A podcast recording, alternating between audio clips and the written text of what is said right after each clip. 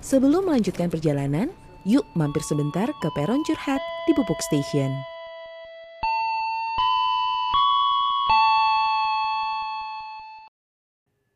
Kepada para penumpang yang saya hormati, halo, selamat apa ya? Tergantung mendengarkannya nih, mau pagi, siang, sore, malam, kapan aja.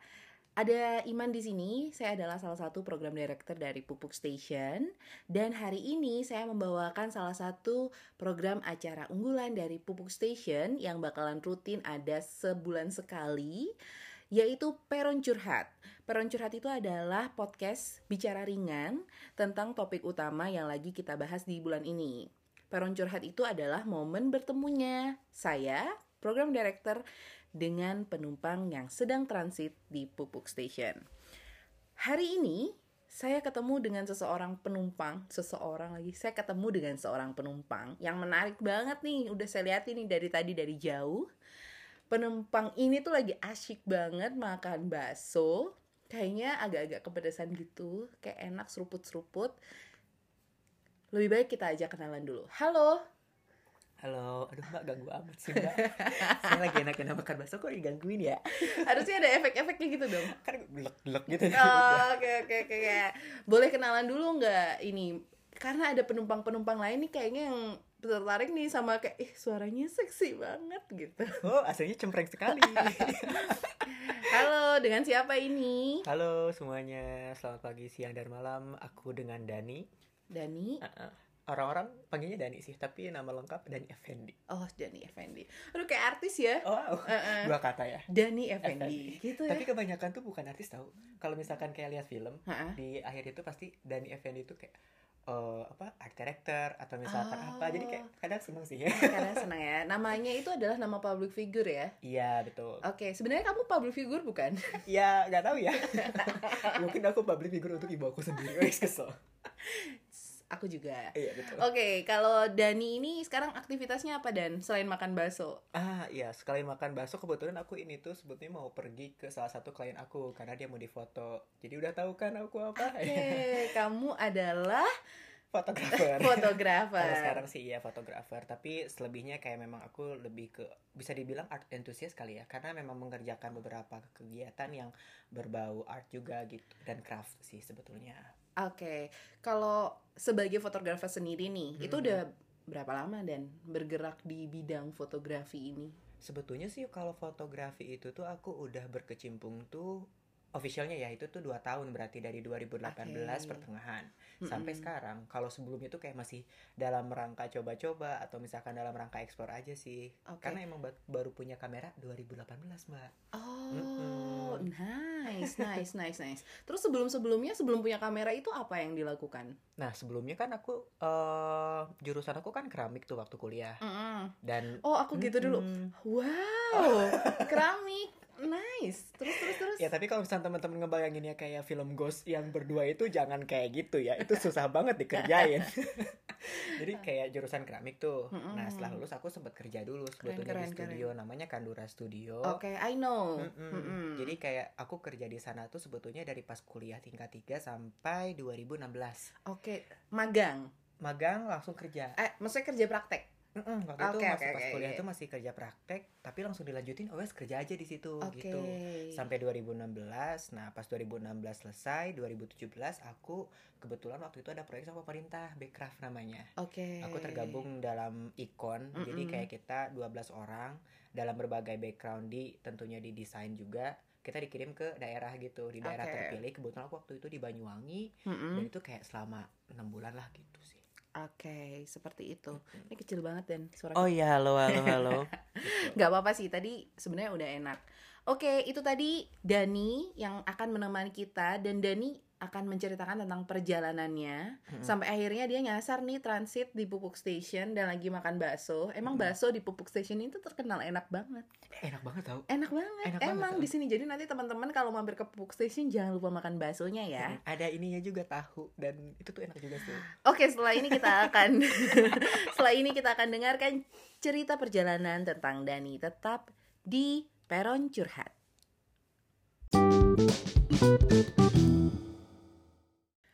Kembali lagi di Peron Curhat masih sama Iman dan Dani di sini.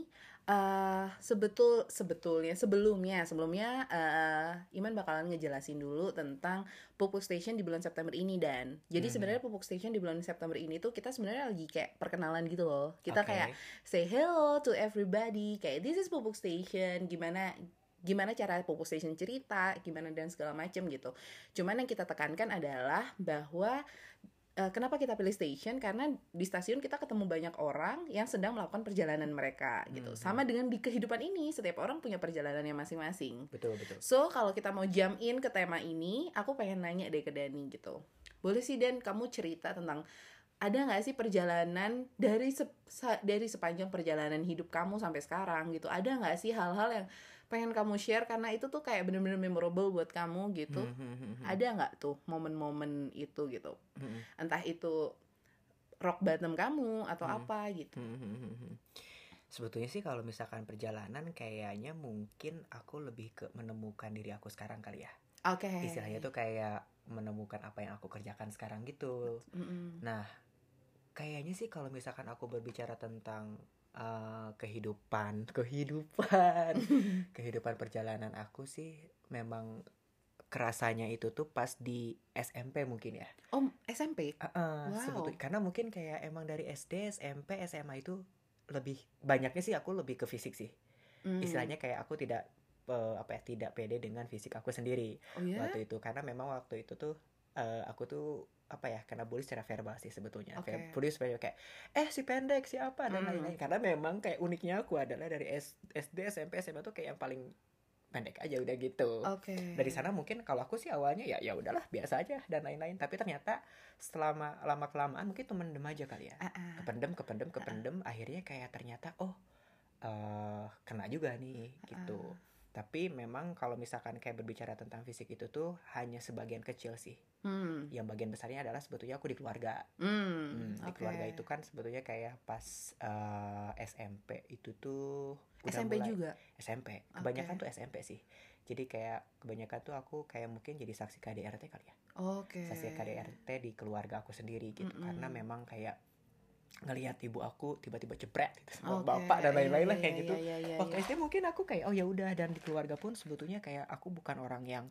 eh, ceria cheerful kayak gimana tapi diem.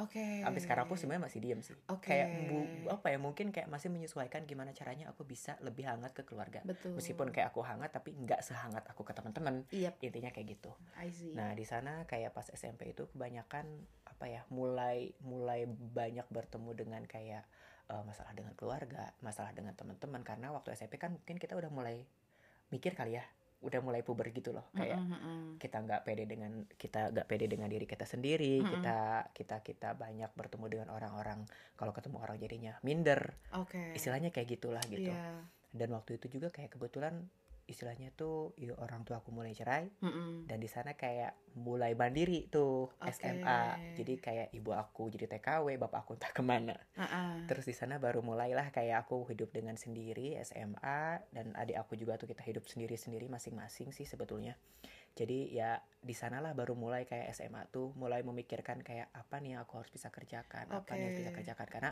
mau gak mau aku harus menghidupi diri sendiri kan di Ah, ah. situ nah waktu pas ah, di situ tuh sih kadang aku merasa nggak enak sih.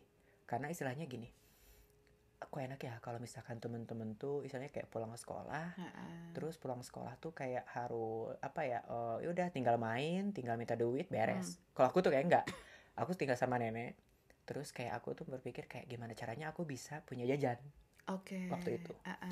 nah waktu punya jajan terus tiba-tiba ya udah aku kayak jualan apa pun yang aku bisa ke- yang aku bisa jual gitu loh mbak Oke. istilahnya kayak eh, di osis waktu itu tuh aku pernah jual roti ya udah akhirnya setelah danus itu ke danusan kan waktu kita osis gitu Betul. danusan nah setelah itu kayak danusan beres aku terusin jualannya Oke. aku jualan danusan tapi memang aku tuh biasanya pulang tuh jam 11 malam karena aku harus nunggu dulu mall tutup mau tutup mau tutup jadi si rotinya masih ada sisa yang aku bisa jual besok Ah, gitu. Jadi aku pulang oke, ke pulang mana? Pulang ke pulang ke rumah terus ketemu nenek ya udah biasa. Ya udah aku ngitung aja. Ngitung ngitung ngitung ngitung jualan yang hari ini Ah, sama ah. ngitung yang buat besok dijual gitu. Oke. kayak gitu aja terus gitu karena pengen ya yaudah yang penting gue bisa bisa ini deh bisa bisa jajan gitu. Mm-mm. nah tapi di sana tuh ya udah istilahnya mungkin karena aku dari SD SMP udah kebiasaan dengan hal-hal yang kayak gitu jadinya nggak terlalu apa ya udah jadinya tuh nggak nggak kerasa ke badan dan lain-lain kayak gitu loh mbak Oke. udah kayak auto aja Hmm. auto mandiri atau Mm. apa ya kayak gitu kan nah tapi memang SMA baru lagi kan berpikir kayak tentang diri sendiri lagi atau kayak gimana gitu kan Mungkin karena lingkungan juga ya. Mungkin karena Karena kayak teman-teman kita pun akhirnya mulai kayak sebenarnya gue gimana ya karakter gue Iya, kayak gitu gak sih? mulai Ha. mencari jati diri kan Iya mencari jati diri. Ah, mulai mencari jati diri tapi ya memang akhirnya tuh kayak nggak pede sama diri sendiri akhirnya Oke. ya mungkin karena memang Jadi dari, kumat dari ya jadi istilahnya kumat, ya. jadi Yang kumat. tadinya di SMP sempat muncul, Mm-mm. terus akhirnya SMA keluar muncul lagi gitu kan keluar lagi gitu tapi nah di sana tuh ya untungnya sih aku mungkin berkegiatan juga di osis jadi nggak terlalu ker- apa ya nggak terlalu kepikiran jadi ke distract gitu Karena kan sibuk. karena sibuk tapi memang kalau misalkan udah pulang ya berkecamuk Iya. iya nggak sih Karena menghadapi. menghadapi lagi kan Betul. menghadapi dan lain-lain lagi terus kayak belum lagi belum lagi masalah tentang si ibu atau si bapak terus ah. masalah diri sendiri masalah Betul. di di rumah juga dan lain-lain gitu ya mungkin kayak temen-temen eh, selalu senang sih maksudnya kayak ada ada teman-teman banyak gitu ya kayak aku bisa curhat atau bisa apa tapi memang ya curhat pun aku nggak nggak nggak banyak orang akhirnya mah aku curhat sama sama temen dekat ayu aku aja gitu kan Mm-mm. sama teman dekat aku yang mana aku selalu ketemu sama dia intinya Mm-mm. aku aku curhat dan tapi kadang sih di sana mikir kayak ya mau gak mau gimana pun ketika aku curhat sama orang healingnya mah tetap nggak bisa sama orang tetap harus sama diri sendiri sih akhirnya Itu kapan mikir kayak gitu? kelas 3 SMA berarti aku Cool. Udah bisa mikir kayak gitu loh di Hmm. kelas 3 SMA Mm-mm. ya. Karena mungkin kayak apa ya istilahnya tuh mau sampai kapan lagi gitu Betul. aku harus Mm-mm. harus kayak gini gitu Ha-ha. cuman ya di situ ya namanya SMA masih labil lah ya gitu Betul. masih nggak nggak gimana gimana masuklah ke kuliah ke kuliah itu jadi sebetulnya tuh kayak aku pun nggak apa ya nggak eng- mungkin aku bisa bilang kayak SD SMP SMA mungkin kita punya punya punya masalah kita sendiri sendiri ya levelnya Mm-mm. beda-beda Mm-mm. tapi memang waktu pas itu aku waktu itu nggak kepikiran untuk kuliah mbak sama sekali nggak kepikiran untuk kuliah. Oh. pengen kuliah tapi ya gimana gitu karena Mm-mm. pada akhirnya adalah aku berencananya waktu itu pengennya ngebiayain adik aku aja buat kuliah gitu aku Oke. nggak usah dulu deh gitu Mm-mm. dan dikasih tahu sama guru BK pun istilahnya kayak dan mau kuliah gak enggak Mm. ya gimana gitu maksudnya kayak aku pengennya adalah yaudah yang penting untuk S, sampai SMA pun di keluarga aku tuh udah alhamdulillah karena ibu aku lulusan SD bapak Mm. aku lulusan SMP juga enggak Mm-mm. gitu Mm-mm. dan ketika aku udah SMA berarti di keluarga besar aku cuman aku dan mamang aku Oke. paman aku yang bisa SMA gitu. Ah, ah. Dan kayak oke it's fine for me gitu ya kayak gitu kan beres. Cuman ya mungkin karena emang ada kebaikan dari dari dari dari lingkungan dan dari Tuhan juga gitu. Akhirnya kayak guru BK itu tuh nanyain nanyain ke aku dan dia tuh daftarin aku lewat bidik misi waktu itu. Oh nice. Bidik misi dan akhirnya kayak ya udah eh, apa ya singkat cerita aku keterima di ITB. Ini kita apply aja deh ke bidik misi buat kayak ini sosok Oh, sos- berhasil dari bidik misi. Oh gitu ya. Eh ternyata bukan bidik misi Oh, akhirnya. akhirnya bukan bidik Bukan. misi. Terus gimana Jadi tuh? gini waktu itu kayak aku daftar bidik misi, memang waktu itu jalurnya bidik misi mbak. Oke. jalurnya bidik misi tapi setelah keterima waktu di ITB bidik misinya full Masa? ah, iya waktu itu tuh kayak kita nggak kita nggak nggak kita nggak dapet akhirnya waktu itu aku panik karena kayak udah mah istilahnya udah udah Keterima. udah, udah, udah keterima tapi gimana dong akhirnya kayak udah aku jualan dulu tuh berapa tiga bulan aku jualan Oh. jualan dulu gorengannya waktu tahu nggak Tapi ada. sebetulnya Mm-mm. bidik misi yang diharapkan itu adalah buat ini kan? Buat sekolah? Buat- buat biaya biaya hidup. biaya hidup itu kuliah kan Kalau biaya semesteran? Nah itu harusnya kan di bidik misi Oh, semuanya MG. kan Terus gimana Gimana dong? kan paniknya tapi untungnya kayak ya thanks to kampus ini gitu bener akhirnya bener bener. dia tuh tetap nyariin sih sebetulnya tetap nyariin dan an- untungnya waktu itu aku dapatnya sebetulnya di pemprov jadi kayak aku dapatnya beasiswa Jawa Barat betul betul betul. Mm-mm. Waktu itu sebagian dari ini beasiswa pemprov ya memang Iya, ya. betul. Nah ada beasiswa pemprov nah di sana baru mulalah intinya kayak oke baiklah eh, aku apa eh, hidup di sana nah di sinilah baru di kuliahan baru mulai kayak melepuk- menemukan jati diri lagi Oke. karena mau nggak mau aku hidup sendiri kan di Bandung Oke. mau nggak mau aku hidup sendiri di Bandung terus eh, setelah itu mulai lagi nih ke pencarian jati diri yang Betul. usia-usia kita kayaknya udah mulai nggak sih ah. Dan kebetulan itu sebenarnya gini teman-teman, aku sama Dani itu kan kita di satu ini ya satu background kita tuh Hmm, backgroundnya hmm, hmm, sama-sama seni rupa Hmm. Aku tuh merasa salah satu hal yang bisa membangun karakter kita sampai sekarang itu adalah ketika kita kuliah itu Betul. bener-bener terjadi bentrokan identitas satu sama lain Iya Iya, nggak sih betul masing-masing tuh nggak ada yang nggak mau punya identitas Hmm. semuanya tuh mencari identitas karena Iya, mereka betul. pengen pengen punya deskripsi diri kayak kamu mau dikenal sebagai orang yang bagaimana gitu Hmm, hmm, hmm, hmm, mungkin karena backgroundnya seni rupa juga Iya, yang betul. Visually apa Hmm, segala macam akhirnya itu otomatis lingkungan itu mendorong ya Dan Iya, ya? betul. mendorong untuk akhirnya bener-bener kayak mencari jati diri tapi detail Iya, detail banget detail, banget, kan kayak, kayak dulu tuh cuman kayak yang apa ya apa aku orangnya tuh moody apa aku orang ceria nggak Hmm, cuman sampai hmm, situ hmm, sampai hmm, hmm. even in the clothes gitu kan Hmm, sampai hmm, dan segala macam Iya betul.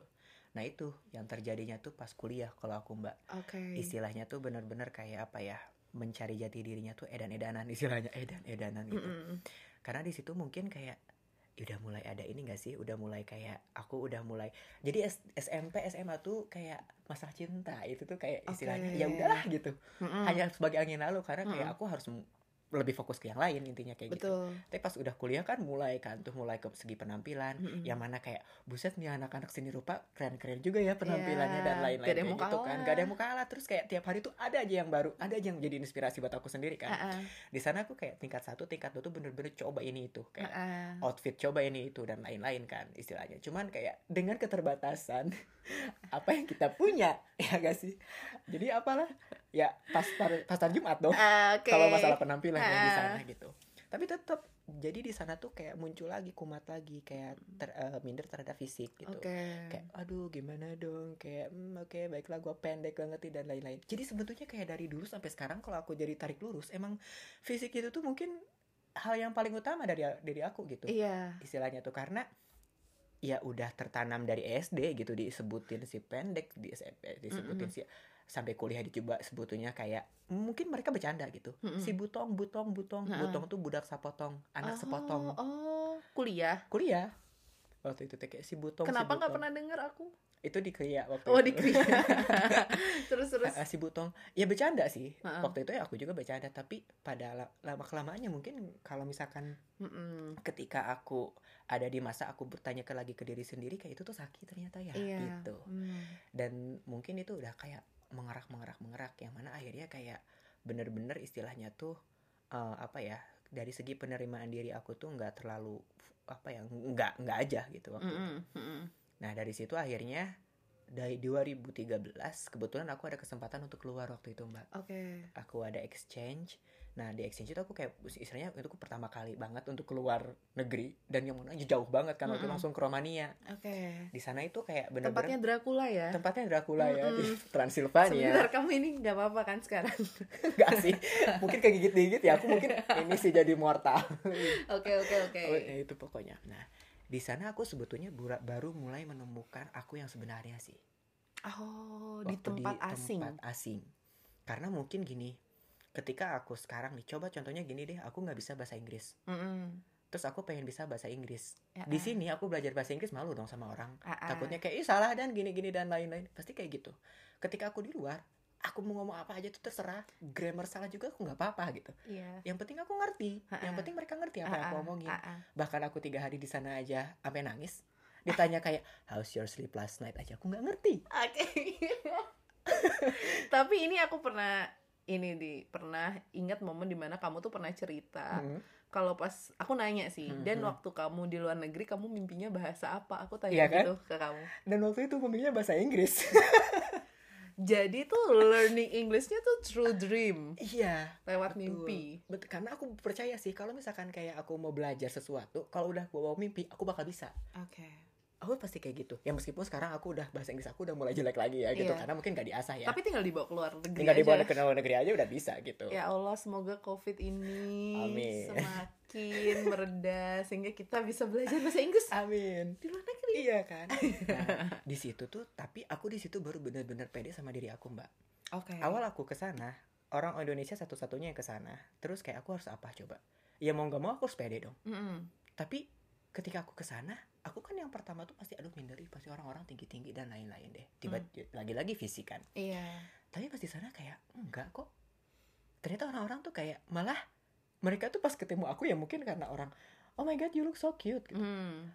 tapi entah kenapa ketika mereka ngomong kayak gitu kayak ya udah itu tuh dari hati mereka gitu Oke. yang bener-bener oke I am cute gitu Ah, ah. di sana tuh kayak dipupuk lagi dipupuk lagi pupuk kayak dipupuk lagi dipupuk lagi untuk Ah. kayak oke you are good you are talented and then you are smart that's enough gitu Oke. di sana tuh nah pas di sana aku ketemu sama orang Serbia namanya si Alek cewek dua ada dua juga Alek sama Alek dua-duanya Alek cewek cowok Oh, oke. Alexandra Milojevic dan Alexandra eh, apa satu lagi aku lupa tapi Ah, ah. sebenarnya namanya Alek gitu terus aku sempet ngomong sama dia aku aku punya masalah tentang diri aku Mm-mm. tentang tentang tentang eh, ketidakpedean keminderan aku dan lain-lain tapi dia bilang kayak gini dan s- kayak aku tidak melihat itu dari kamu aku melihat kemampuan kamu Oke. aku melihat apa yang kamu kerjakan sekarang Hmm. waktu sebelum-sebelumnya mungkin ketika aku tanya ke teman-temanku ya iya gitu valid tapi entah kenapa pada saat itu itu tuh bener-bener valid lagi ke aku Oke. Hmm. ya mungkin karena momennya aja kali ya Hmm. momennya di situ Hmm.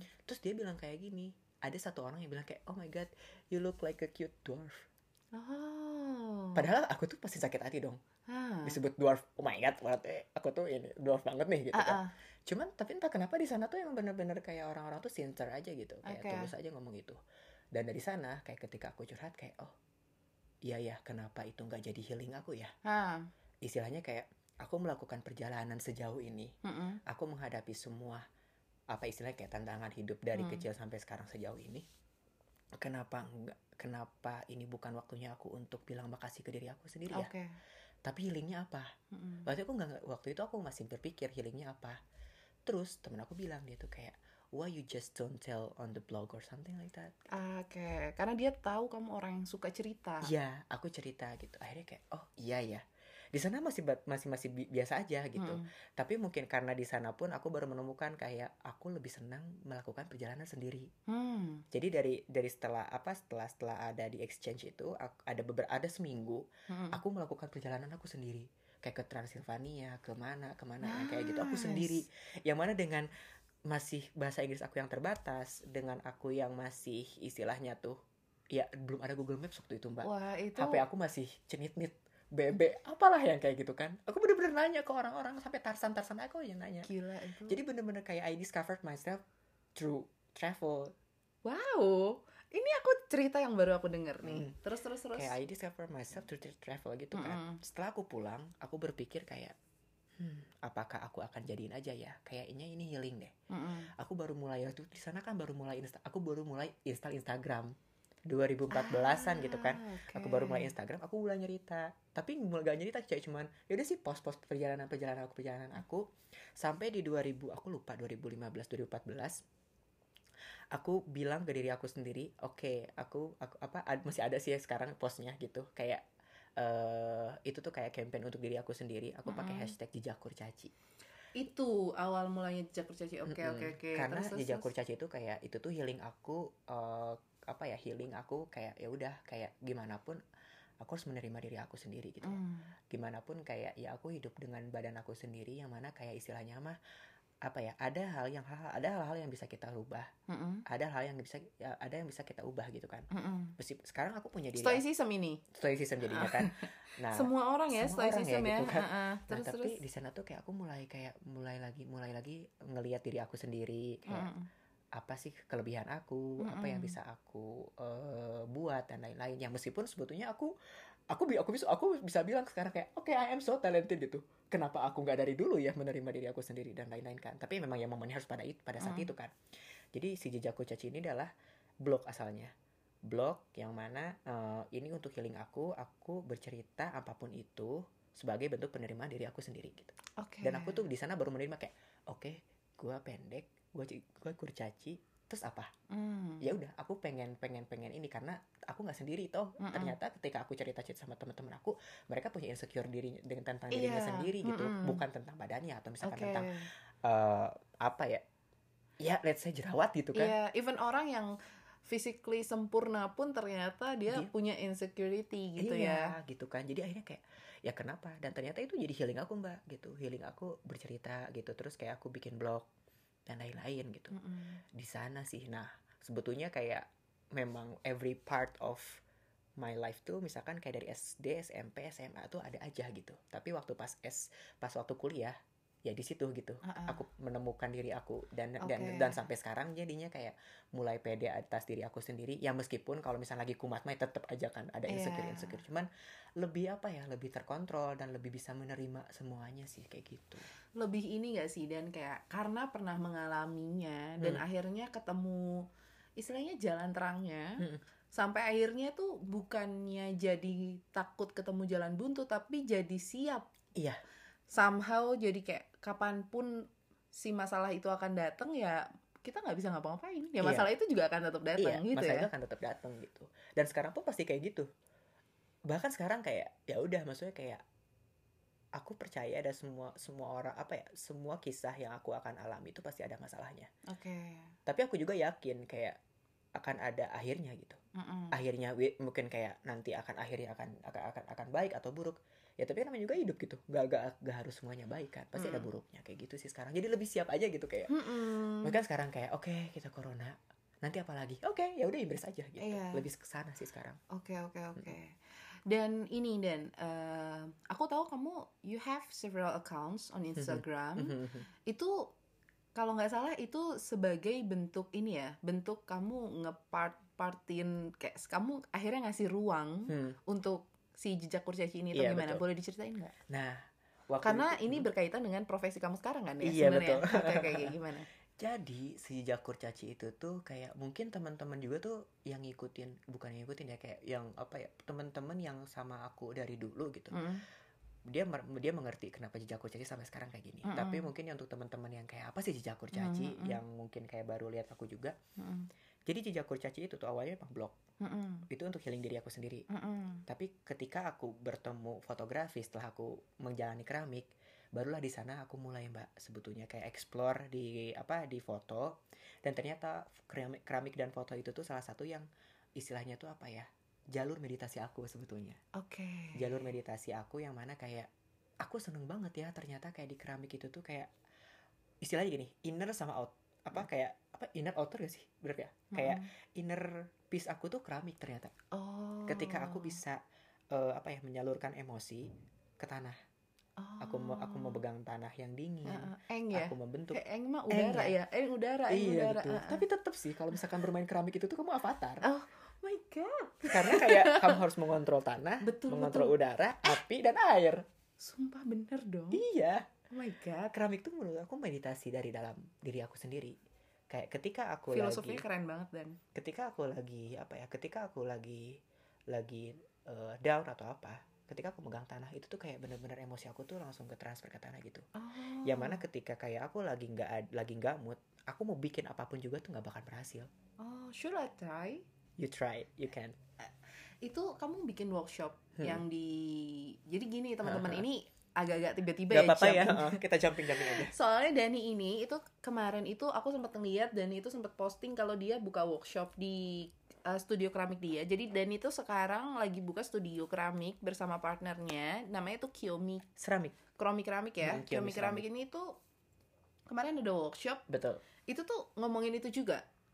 aku Atau selipin sih Oh, kamu selipin aku ya. selipin soalnya Karena kamu bukan prac- practitioner yang certifi- certified, Hmm, hmm, hmm, tapi kamu adalah eh, pelaku keramik gitu Betul. dan kamu Ha. merasakan itu jadi kamu Iya. ceri- lebih ke cerita Ah, gitu ya. Jadi kayak lebih ke cerita yang mana kayak ketika aku uh, workshop keramik pun bukan tentang lagi teknik gitu, tentang gimana caranya kamu bisa mengontrol emosi gitu. Oke. Soalnya memang bener kayak kelihatan mbak, Mm-mm. ketika orang yang dia in a rush, ketika orang yang dia kalem, kelihatan dari karyanya. Ah.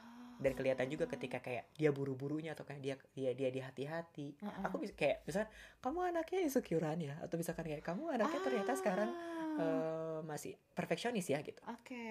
Kok tahu? Nggak tahu. Aku lihat aja gitu. Ih, mau mau. Lebih di sana sih. Mungkin karena memang akunya juga Nice. aku juga ketika aku bermain dengan keramik bukan lagi tentang kayak how to make it beautiful, tapi Mm-mm. kayak how I can control my emotion through ceramic gitu. Oke. oke, Isinya kayak gitu. Itu innernya. Oke. Out, out- output Oh, bacanya tuh seramik ya? ceramik. Ceramik ya ceramik gitu sih. Oh, ceramik. gitu ya. Terus terus. Nah, tapi ketika aku out ke out- apa yang kayak inside and outside outside-nya itu tuh sebetulnya di foto. Aku seneng banget ketika teman-teman aku yang aku foto mereka seneng atas hasil yang aku yang aku uh, hasilkan gitu Mm-mm, mm-mm. dan ternyata itu affect my feeling juga ketika aku oh aku bisa merasa penuh ketika misalkan aku foto mbak terus mbak bilang dan makasih ya fotonya bagus itu tuh udah jadi kayak obat sendiri untuk aku Oke. mbak oh iya ya terima kasih gitu. BTW foto LinkedIn aku deh, foto Dani. Kita lagi nongkrong di kafe, terus kayak ada tembok putih, terus Dani bilang, "Eh, Mbak foto dulu dong." gitu. Terus bagus guys buat LinkedIn. Eh, Oke, oke. Iya, Terus nah terus di situ akhirnya aku eh, apa ya? Nah, di sana juga nah di sana pun aku eh, ini 2017. Jadi 2016 tuh aku sempet sempet ini juga sempet kayak buka apa ya? Buka namanya tuh Sunday Diaries. Sunday Diaries tuh kayak sama temanku foto eh, dia tuh eh, kita tuh kayak oke kita cobain yuk untuk foto-foto wedding istilahnya kayak gitu AA. Tapi mungkin karena kita ter apa ya terbatas dengan jarak kita LDR intinya akhirnya kayak kayak kayak it didn't work. Terus akhirnya ya udah eh, apa sih eh, akhirnya aku kayak pas 2017 itu tuh nazar sebetulnya. Aku ikutan Backcraft kan waktu itu. Pas Backcraft kalau aku keterima Backcraft aku mau beli kamera mbak. Ah. Gitu. akhirnya keterima kan. Ya udah aku beli kamera. Dan di sana aku meyakinkan diri aku sendiri oh mungkin ini jalan aku ya Hmm. yaudah kenapa enggak kalau nggak dicoba Hmm. aku coba waktu itu aku fotoin teman aku namanya Wanda ada Mm-mm. aku fotoin Siapa ya Wanda? Wanda, you have to listen to this gitu. Iya. Kamu harus dengerin ini. iya namanya Wanda terus Dimension soalnya. dari sana tuh dia bilang kayak dan kamu tuh fotonya tuh bisa bisa apa ya bisa menyampaikan emosi dan bukan emosi yang dibuat tapi ya emang emosi yang pada saat itu gitu Oke. istilahnya kayak ketika orang melihat foto itu jadi kerasa gitu Oke. So your your first pre-wedding Mm-mm. foto itu Wanda sama Ijan? yang Sama Izan? istilahnya ini eh, milestone aku Oh. akhirnya bisa je- jejak kurcaci itu bukan lagi ke blog Akhirnya kamu ketemu kurcaci. tunnya gitu Hmm, ya. iya. Ini eh ini bukan karena Dani temen aku ya, tapi juga karena Dani temen aku sih. Jadi foto prewednya Wanda sama Izan itu itu one of eh, my favorite Hmm, terima kasih. foto prewedding Iya, karena iya, itu adalah eh, saat di mana akhirnya aku tahu kalau foto prewed itu tuh bisa seperti itu. Hmm, Itu hmm, keren banget guys. Aku inget banget tuh scene yang si Izannya lagi cukur Iya, cukuran. cukuran. Terus habis itu ada pantulan Wanda atau apa pokoknya kayak Iya. gitu-gitu yang di ruang sebelahnya Betul, dan betul. segala macam. Nice. Jadi kalau misalnya teman-teman nih di sini kayak penasaran gimana sih sebenarnya Dani bercerita lewat fotonya Hmm. gitu. Itu silahkan aja langsung ke Instagram Iya sih, jejak kurcaci. jejak kurcaci ya Hmm, gitu. Jejak kurcaci. Kamu tuh Instagram apa, apa aja sih? Ada jejak kurcaci. Gini loh kalau fotografer tuh begini, mentang-mentang fotonya banyak ya. Apa aja? Ada jejak kurcaci. Terus Ada jalme sekarang kan, ada Oke, juga. Jalmi. Ada Maybe kita akan bahas Jalmi karena di Jalmi ini tuh ada menarik juga nih Ah, oke. sebenarnya sebenarnya sebetulnya ada Iya. yang menarik karena Dani itu berpartner sama Lily which is Lily ini kayak pribadi yang menarik banget jadi Hmm. kita nggak akan bahas sekarang karena akan panjang Oke. banget ada tadi jejak kurcaci Iya, terus ada habis itu ada. Jalmi ada jalme, ada proyek figur. proyek figur oh Hmm. Yang paling baru ya Yang paling baru banget proyek figur. Dan itu pun sebenarnya proyek figur berangkat dari milestone-nya adalah almarhum Pak Prim. Oke, sekarang eh, menurut Dani sebenarnya penting nggak sih gitu orang-orang itu punya perjalanannya masing-masing gitu. Sebetulnya kalau aku suruh apa bilang penting penting banget Mm-mm. karena ya mau baga- bagaimanapun ketika apa ya ketika ketika ketika kita hidup ya kita melakukan perjalanan kan Mm-mm. tapi apakah itu akan kita nikmati setiap saat atau enggak itu aja sih Oke. kayak misalkan sekarang nih kita aku aja sekarang nih ketemu mbak itu sebuah perjalanan hidup aku kan Mm-mm. kayak yang mungkin Kita nggak pernah tahu kita ya. nggak pernah tahu apa yang akan kita apa yang akan kita ceritakan nantinya gitu Ah-ah. dan salah satunya mungkin sekarang aku diajak mbak untuk bikin podcast misalkan ya untuk kita curhat dan lain-lain dan itu mungkin kayak pada akhirnya untuk mbak oh ternyata Dani kayak gini ya gitu Mm-mm. untuk aku oh mbak tuh terima kasih untuk mengundang aku di podcast kayak gini dan Mm-mm. itu akan jadi eh, apa ya, perjalanan kisah aku gitu mm-mm. Dan- menurut aku penting-penting banget untuk Iya. perjalanan semua orang punya perjalanannya masing-masing Ah-ah. dan jangan jangan setelah aku sekarang apa ya istilahnya tuh berpikir bahwa kita tuh jangan terlalu melihat perjalanan orang gitu. Oke. kita selalu apa ya kita selalu balik lagi kita membandingkan kan. Membanding- membandingkan perjalanan kita dengan perjalanan orang. Yang mana pada akhirnya adalah semua orang udah bilang mungkin semua orang ya mbak mbak sendiri kita sendiri udah pernah tahu ada kata-kata yang kayak kita berjalan di path kita masing-masing. Memang valid itu. Klise cuman kayak ketika kita hayati lagi ya emang itu gitu. Gimana caranya kita bisa menghayati setiap perjalanan kita yang kita jalanin sekarang gitu. Mm-mm. Dan kita juga tuh berhak untuk membuat cerita kita sendiri kan Oke. ketika ketika kita sedih kita berhak untuk sedih ketika Hmm. kita senang berhak kita berhak untuk senang karena pada akhirnya adalah itu akan jadi cerita di masa depan kita gitu Oke. nggak bisa kita bercerita tentang senang-senang kita aja Mm-mm. kita juga tuh harus tahu cerita sedih kita untuk istilahnya mengetahui bahwa kita tuh nggak sempurna gitu Istilahnya itu ada senang karena ada sedih ya. iya yin dan yang aja udah kan Iya, maksudnya kan kalau misalnya nggak ada sedih itu nggak ada kata senang juga gitu nggak ada kan. kata senang juga gitu jadi ya orang-orang berhak untuk membuat cerita di perjalanannya masing-masing karena itu sepenting itu gitu Mm. itu cerita kita di masa depan yang bisa kita ceritakan ke aku sekarang aku ceritakan ke mbak Mm-mm.